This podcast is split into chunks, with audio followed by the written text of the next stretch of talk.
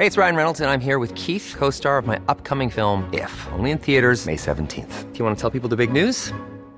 All right, I'll do it. Sign up now and you'll get unlimited for $15 a month in six months of Paramount Plus Essential Plan on us. Mintmobile.com slash switch.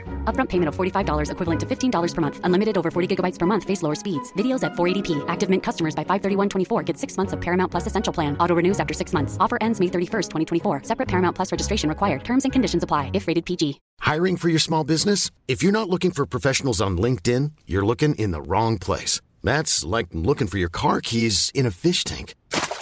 LinkedIn helps you hire professionals you can't find anywhere else, even those who aren't actively searching for a new job but might be open to the perfect role. In a given month, over 70% of LinkedIn users don't even visit other leading job sites. So start looking in the right place. With LinkedIn, you can hire professionals like a professional. Post your free job on linkedin.com slash people today.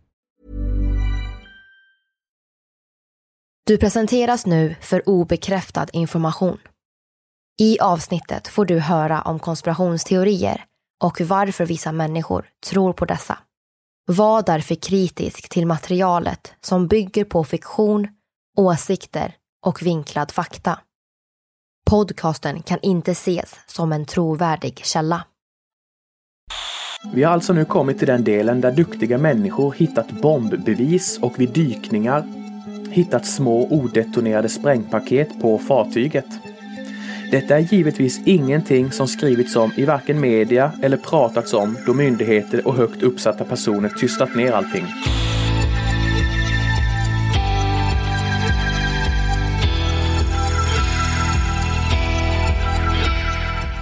Ni lyssnar på konspirationsteorier, en podcast med Vivi och Aida. Och det här är en annan sida av historien om Estonia, den största fredstida fartygsolyckan i nordiska vatten.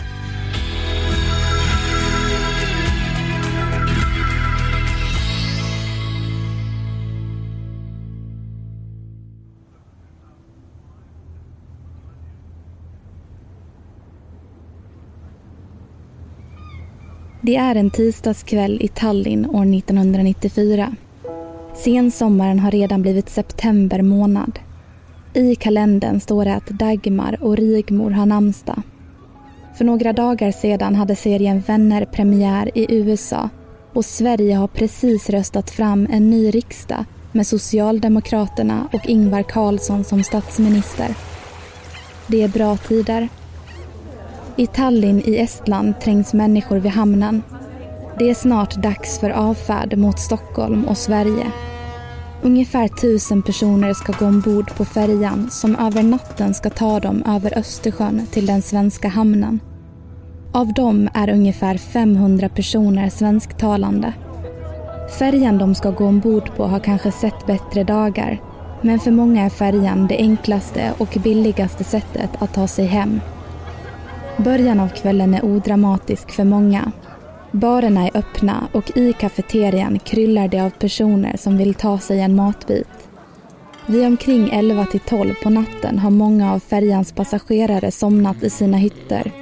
Men det stormiga vädret gör att många också sitter kvar i kafeterian och halvslumrar. Andra håller igång partystämningen i festlokalerna.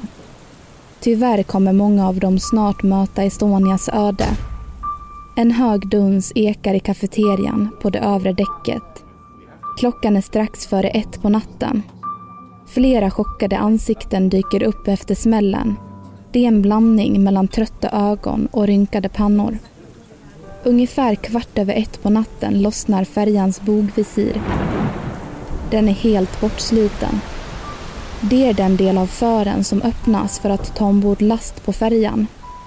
Att den har lossnat gör att färjan snart börjar luta och panik varvas med skrik.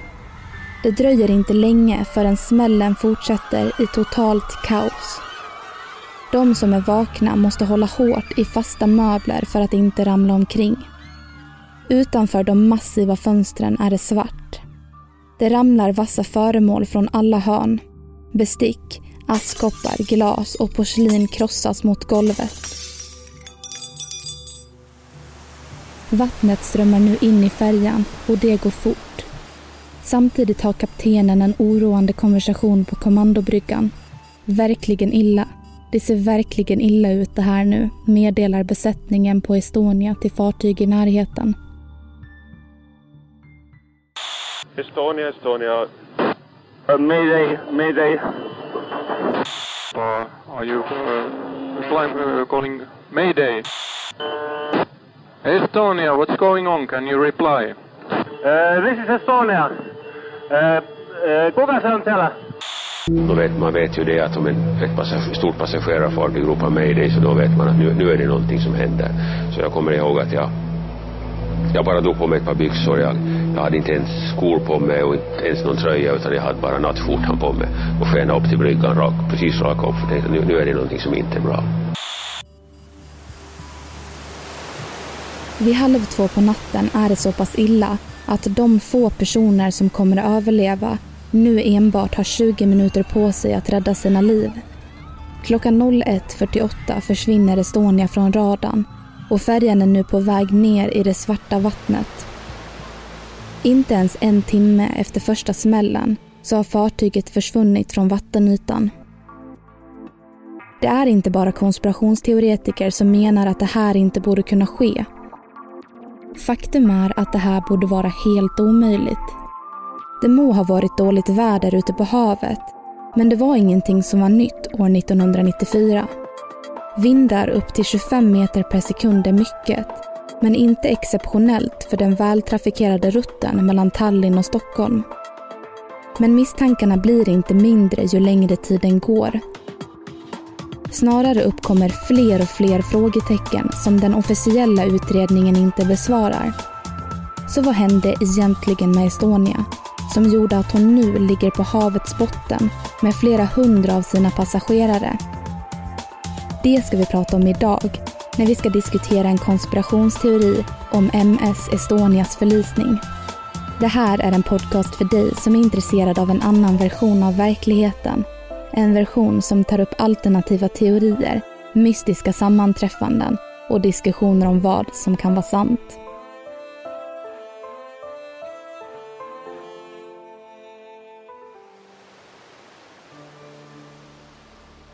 Fartyget som vi idag känner igen som Estonia inledde sin tid på havet under namnet Viking Sally och byggdes år 1980 av skeppsvarvet Meyer Werft och Rederi AB Sally.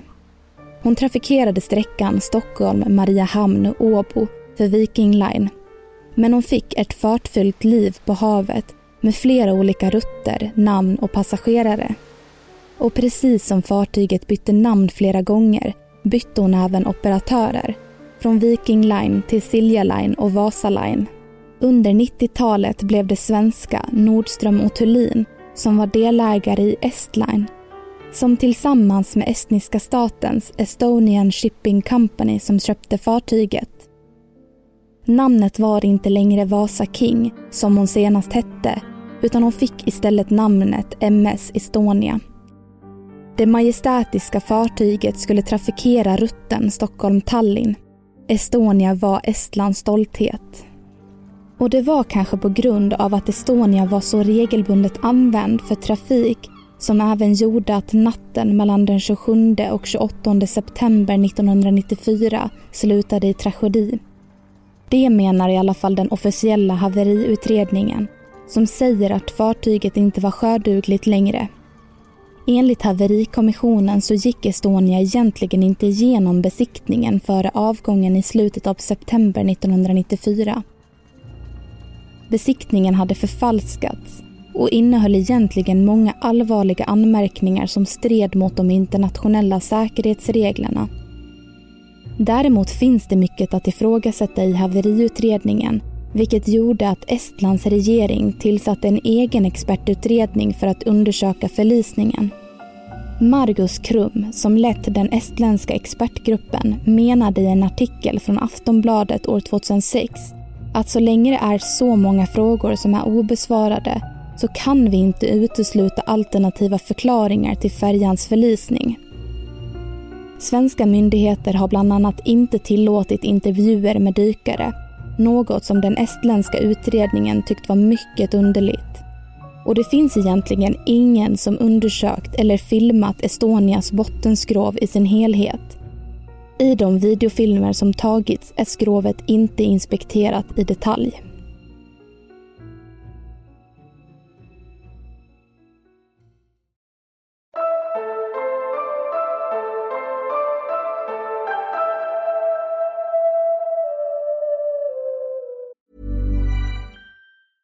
Hey, I'm Ryan Reynolds. At Mint Mobile, we like to do the opposite of what Big Wireless does. They charge you a lot, we charge you a little. So naturally, when they announced they'd be raising their prices due to inflation, we decided to deflate our prices due to not hating you. That's right. We're cutting the price of Mint Unlimited from $30 a month to just $15 a month. Give it a try at mintmobile.com slash switch. $45 upfront for three months plus taxes and fees. Promo for new customers for limited time. Unlimited more than 40 gigabytes per month. Slows. Full terms at mintmobile.com.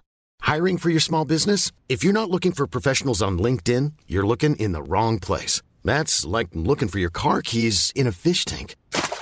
LinkedIn helps you hire professionals you can't find anywhere else, even those who aren't actively searching for a new job but might be open to the perfect role. In a given month, over 70% of LinkedIn users don't even visit other leading job sites. So start looking in the right place. With LinkedIn, you can hire professionals like a professional. Post your free job on linkedin.com slash people today.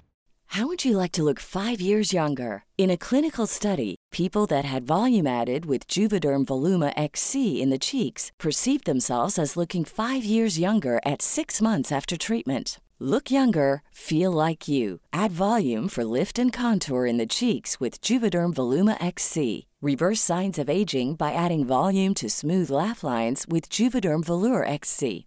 For important safety information and to find a licensed specialist, visit juvederm.com. That's J U V E D E R M.com. Not for people with severe allergic reactions, allergies to lidocaine, or the proteins used in Juvederm. Common side effects include injection site redness, swelling, pain, tenderness, firmness, lumps, bumps, bruising, discoloration, or itching. There's a risk of unintentional injection into a blood vessel, which can cause vision abnormalities, blindness, stroke, temporary scabs, or scarring. Talk to a licensed specialist to find out if it's right for you.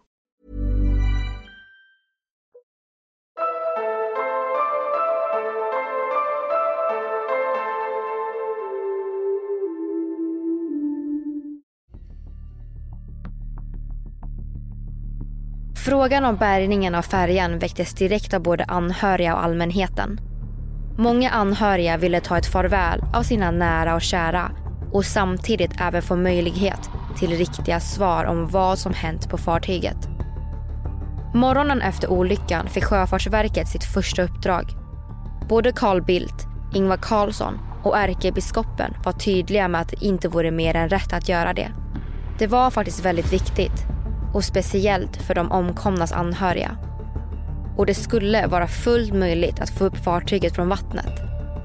En lättnadens suck kom från de anhöriga. Men den 15 december 1994 så kom regeringen med sitt svar och det blev ett enhetligt nej. Och då gick den svenska utrik- eh, kommunikationsministern Ines Uusmann ut och sa det här är ingen seriöst företag. Och då är de världsledande, norrmännen, just på den här typen.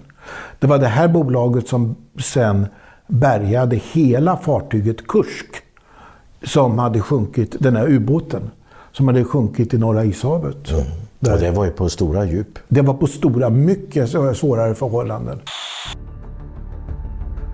Den svenska regeringen blev fientlig mot all form av bärgning och mot de anhöriga menar författaren Stefan Torssell i lördagsintervjun med Svensk webbtelevision och Mikael Wilgert år 2018 som vi hörde i klippet tidigare. Tanken var att det skulle förhindra vrakplundring och gravskändning i området men medförde även att ingen fick dyka där. Den oerhörda besvikelsen sträckte sig från Sverige till Finland och Estland. År 1996 påbörjade regeringen ett arbete med att täcka över fartyget med betong. Det möttes dock av så mycket motstånd från överlevande, anhöriga och allmänheten att regeringen till slut valde att stoppa övertäckningen. Varför var de villiga att lägga så mycket tid och pengar på att göra det när de inte ville bärga fartyget?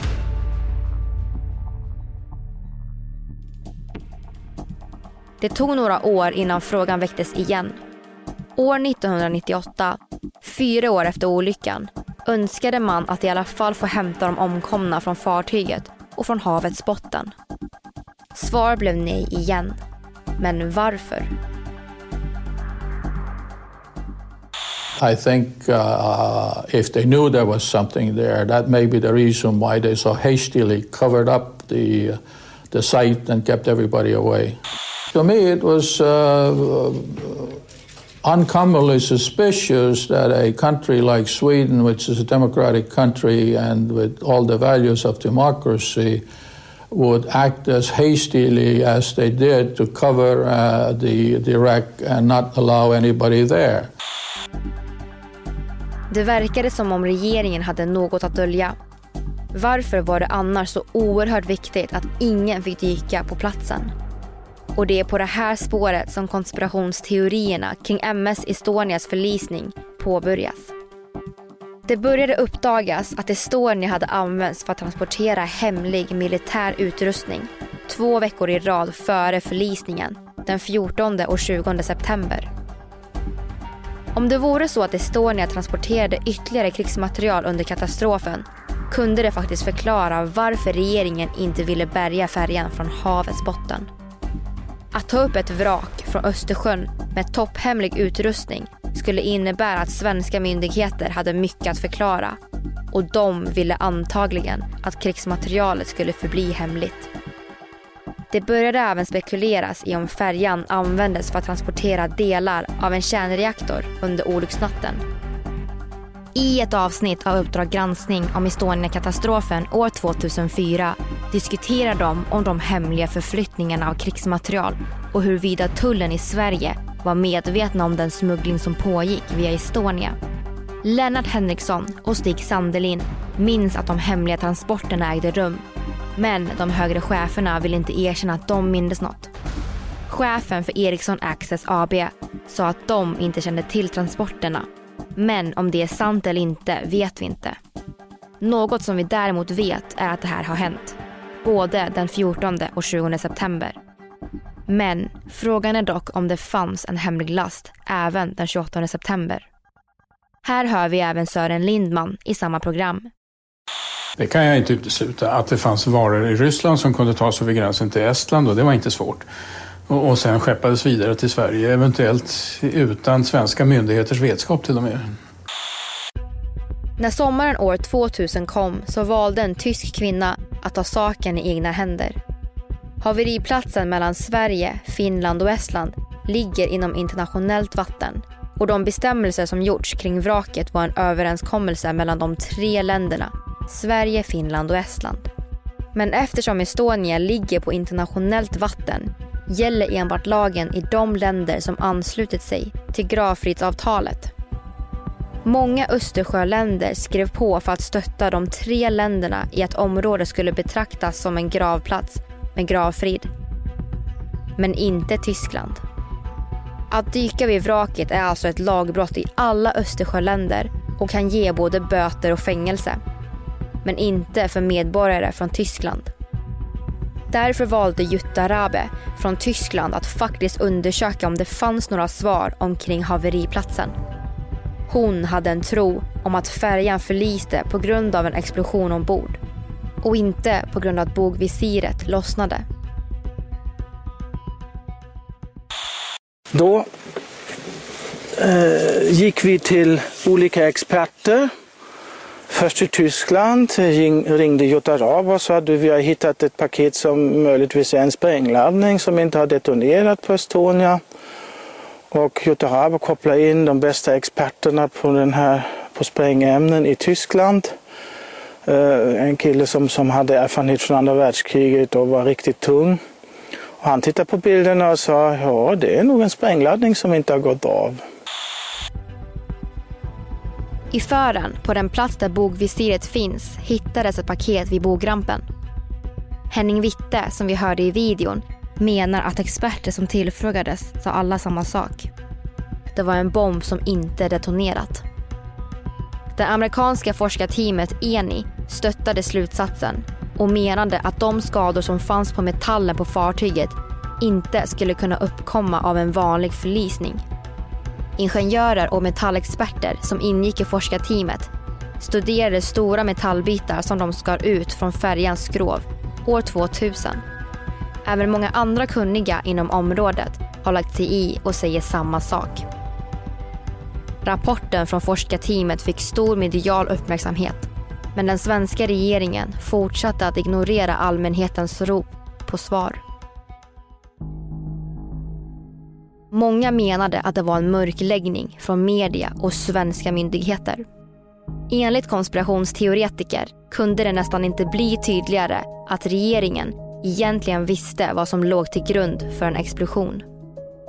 Teorin är att Estonia sänktes på grund av att en rysk hemlig organisation ville hejda en hemlig last från att nå USA via Sverige. Lasten skulle ha kommit från Ryssland via Estland och in i Sverige för att sedan transporteras via Arlanda till USA. Den bestod av två lastbilar av grundämnena osmium och kobolt. Och även teknisk utrustning för det amerikanska försvarsprojektet SDI. Ganska snabbt sänktes alltså Estonia för att den hemliga organisationen ville förhindra det. Specialdykaren Håkan Bergman, som är ett nyckelvittne i teorin, berättade i en intervju med Expressen att han kallades in av Räddningsverket efter Estonias förlisning. Tillsammans med andra dykare undersökte de vraket och hittade ett stort hål i skrovet som såg ut att ha kommit från en explosion inifrån eftersom kanterna var uppfläkta. De hade även råkat höra ett radiosamtal mellan operationsledningen och dåvarande kommunikationsminister Ines Usman där man pratade om att hemlighålla informationen. Däremot så finns det bevis som talar emot Håkan Bergman och Jutta Rabe men likaså finns det bevis som även talar emot svenska myndigheter. Efter katastrofen började rykten spridas om vad som orsakat det förödande slutet. Många andra teorier liknar Jutta Rabes och Henny Wittes. Att hela händelseförloppet var en stor komplott med påtryckningar och förfalskade vittnesmål och media. Både seriösa kritiker och fullfjädrade konspirationsteoretiker har alla uppmärksammat de stora bristerna i haveriutredningen. För många är den 28 september ett datum som påverkat och förundrat många svenskar i 25 år. Men finns svaret på vad som hände i Estonia i någon av dessa teorier? Eller finns svaret på Östersjöns botten, väntandes på att någon ska hitta det?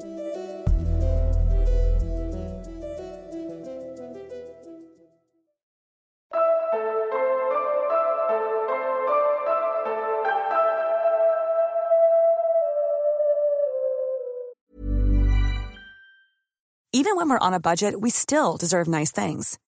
Quince is a place to scoop up stunning high-end goods for 50 to 80% less than similar brands.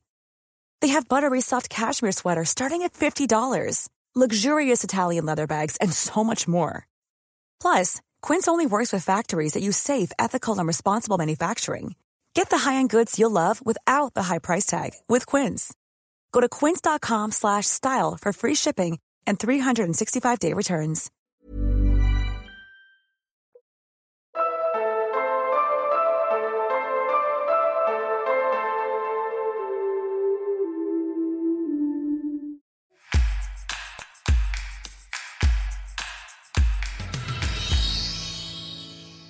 Hej allesammans! Det här avsnittet har ju blivit väldigt önskat av många av er lyssnare och det har verkligen varit superspännande att kolla mer på vad som kan ha hänt Estonia. Sen vill vi också säga att det var så, så många svenskar som dog och eh, jag känner ganska många som känner någon som dog. Så vi vill också säga att själva händelsen är ju superhemsk och vi beklagar så hemskt mycket för det som har hänt. Det var ju verkligen en tragedi och det är ju det vi ska spekulera lite kring nu. Om den här tragedin var något man gjorde med mening eller om det var att det faktiskt var en olycka. Det finns ju faktiskt lite skumma saker som har hänt på Estonia. Och en första grej handlar faktiskt om Estonias kapten som då hette Arvo Andersson. Och det påstås faktiskt att han låg död med ett skott i huvudet på kommandobryggan strax innan Estonia förliste. Det här är ju då något som Jan Gillberg påstår men varför han sköts och av vem Det är något han inte ville berätta i en intervju med Fokus där vi har fått reda på det här. Undrar hur den här Gilberg vet det här. Det kanske är att den här kaptenen visste något som eh, hade hänt på Estonia, att han kanske märkte att någonting var fel och att han var på väg att larma. Ja, jag tänker också att det kan vara så att antingen så visste Arvo Andersson att nu är det massa fuffens som de håller på med här och jag måste säga till någon och då kanske någon person fick reda på att han höll på att varna om det och därav valde att sänka honom också, det vill säga skjuta honom. Jag ser framför mig typ att han står uppe och så styr skeppet i kommandobryggan och så ser han någon så här komma gående på däcket där framme med så här, de här gula paketen eller vad det var för färg på dem. Du vet de bomberna. Och sen att han blir skjuten. Jag ser bara att han fick veta för mycket och därför behövde de bli av med honom. Mm. En annan intressant grej att ta upp om Estonias förlisning är det här med luft, för det är riktigt skumt.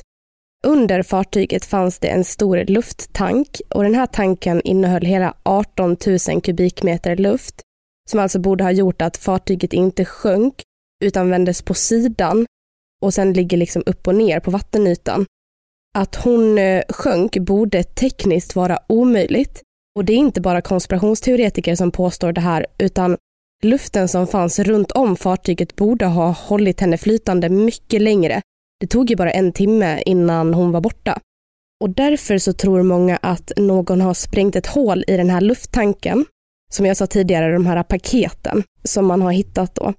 För sprängexperter har även bekräftat vid dykningar att det ser ut som tulpaner på plåten, heter det, som brukar uppkomma vid sprängningar. Oh, det jag tror är ju i så fall att någon förmodligen har sprängt lufttanken, för det är precis som de säger. Om det är så mycket luft att hålla den uppe, hur sjönk den så mm. snabbt? Så förmodligen så är det ju någon som har sprängt och velat få ner skeppet så fort som möjligt för att folk inte ska kunna komma och hinna hitta de här bevisen för fuffen som de höll på med. Och det finns ju många som tror att det här med Estonia faktiskt blev nedtystat för att det faktiskt transporterades hemliga laster på skeppet. Och jag tänker att jag är ganska öppen till att tro att det kan vara så.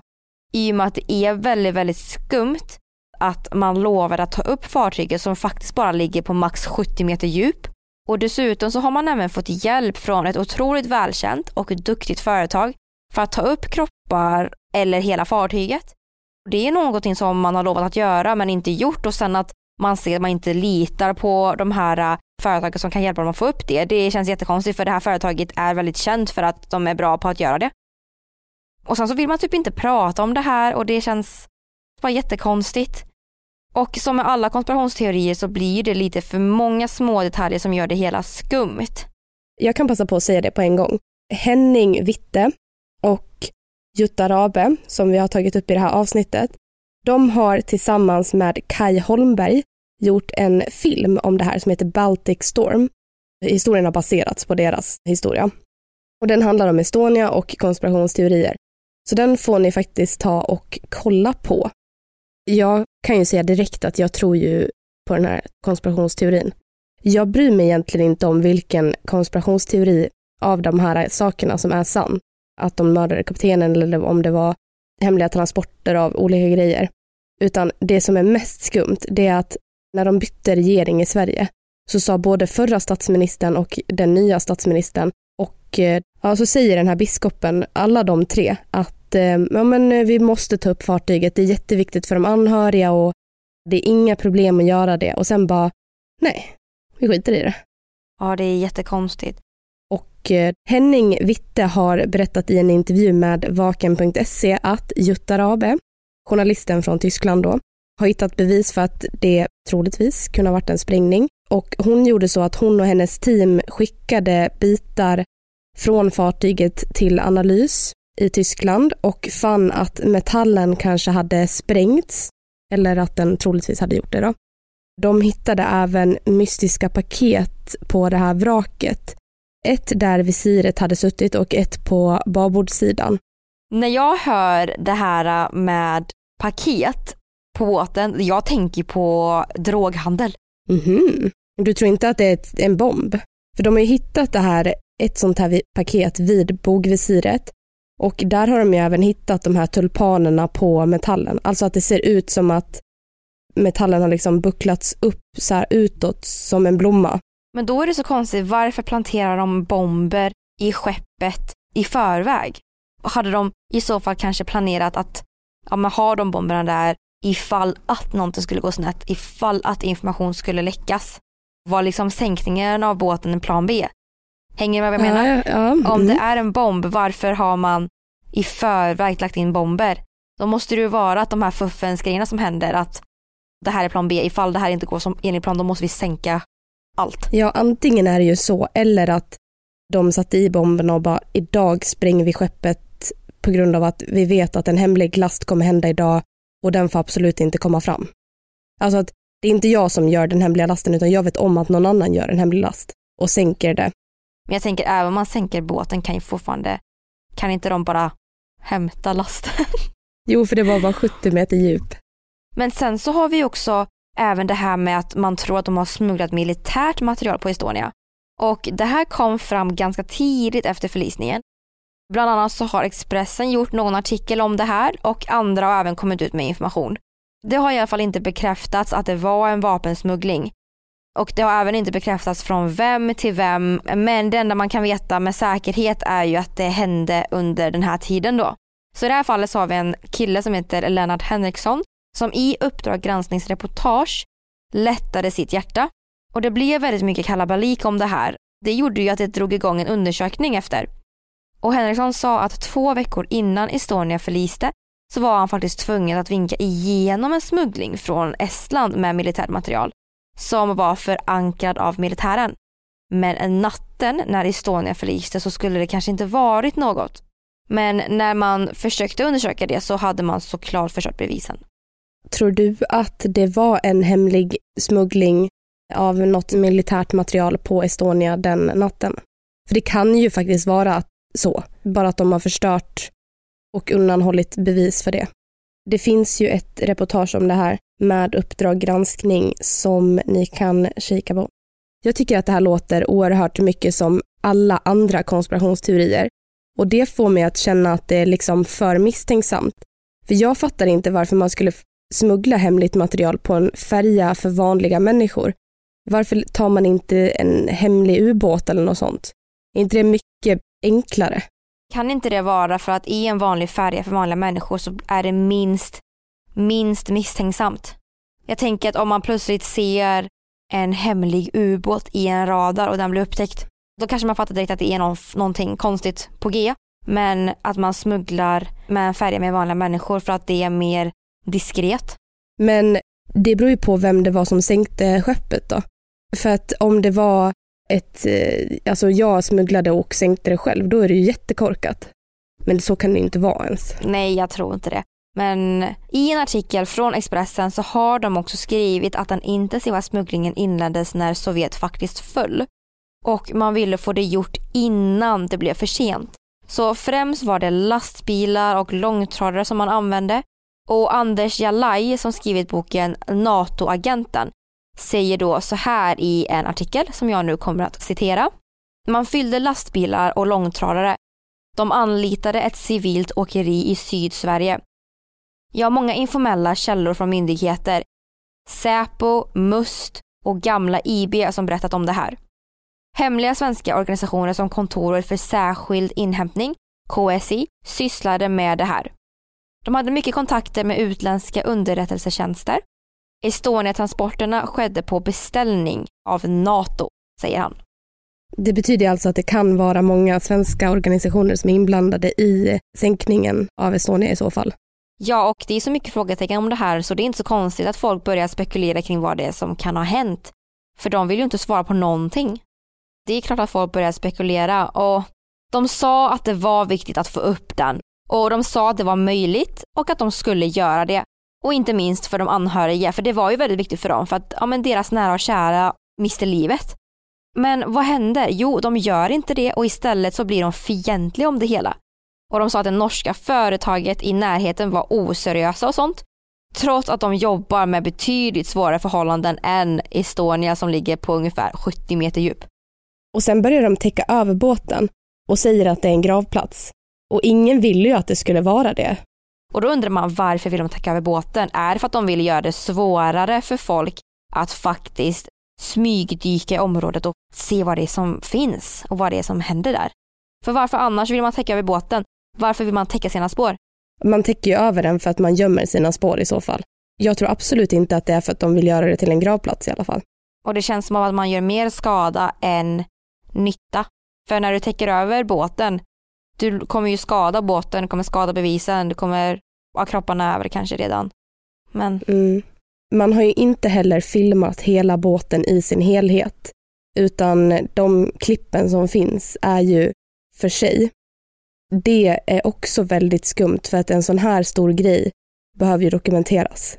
Inte för liksom att man ska titta på utan för att det ska finnas kvar. Ännu en grej på listan. Vad tror ni om det här? Det vore jätteintressant att veta era åsikter om Estonia. Och ifall ni tycker att vi har glömt att ta upp någonting så får ni jättegärna skriva till oss så kan vi diskutera det tillsammans. Och innan vi avslutar så vill vi bara säga tack till alla er som lyssnar. Det hjälper oss oerhört mycket om ni faktiskt recenserar podden. Typ podcaster om ni har en iPhone eller något sånt. Nästa vecka så kommer vi spekulera i om Obama var en amerikansk medborgare eller inte. Vi hörs. Hej då! Hej då! Ni har lyssnat på podden Konspirationsteorier, avsnittet om Estonia som gjordes hösten 2019. Mycket material i dagens avsnitt kommer från Uppdrag granskningsreportage om Estonia, Svensk webbtelevisions lördagsintervju med Stefan Torssell, Henning Witte och White TV samt Joakim Petersson och övriga svenska Youtube-kanaler och poddar. Alla källor till dagens avsnitt finns att komma åt via vår Facebook, konspirationsteorier. Vi som har gjort programmet heter Vivian Lee och Aida Engvall.